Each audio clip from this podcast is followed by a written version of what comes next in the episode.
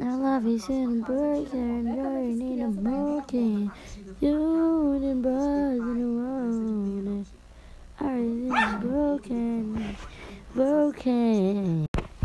Boa tarde. Eu escolhi a proposta 2 e confeccionei um brinquedo de cavalinho de pau. Esse é um brinquedo popular no Nordeste que surgiu há muito tempo atrás, na época em, na época em que o cavalo era usado como meio de transporte. As crianças imitam os adultos. Esse brinquedo surgiu no Nordeste e logo se espalhou pelo Brasil.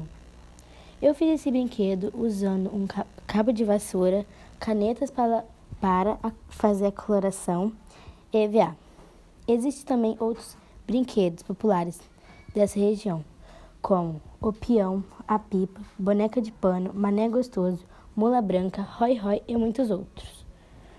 Na, na foto que eu mandei, coloquei alguns objetos artesanais nordestino, como as cestas de palha, os bordados e crochê.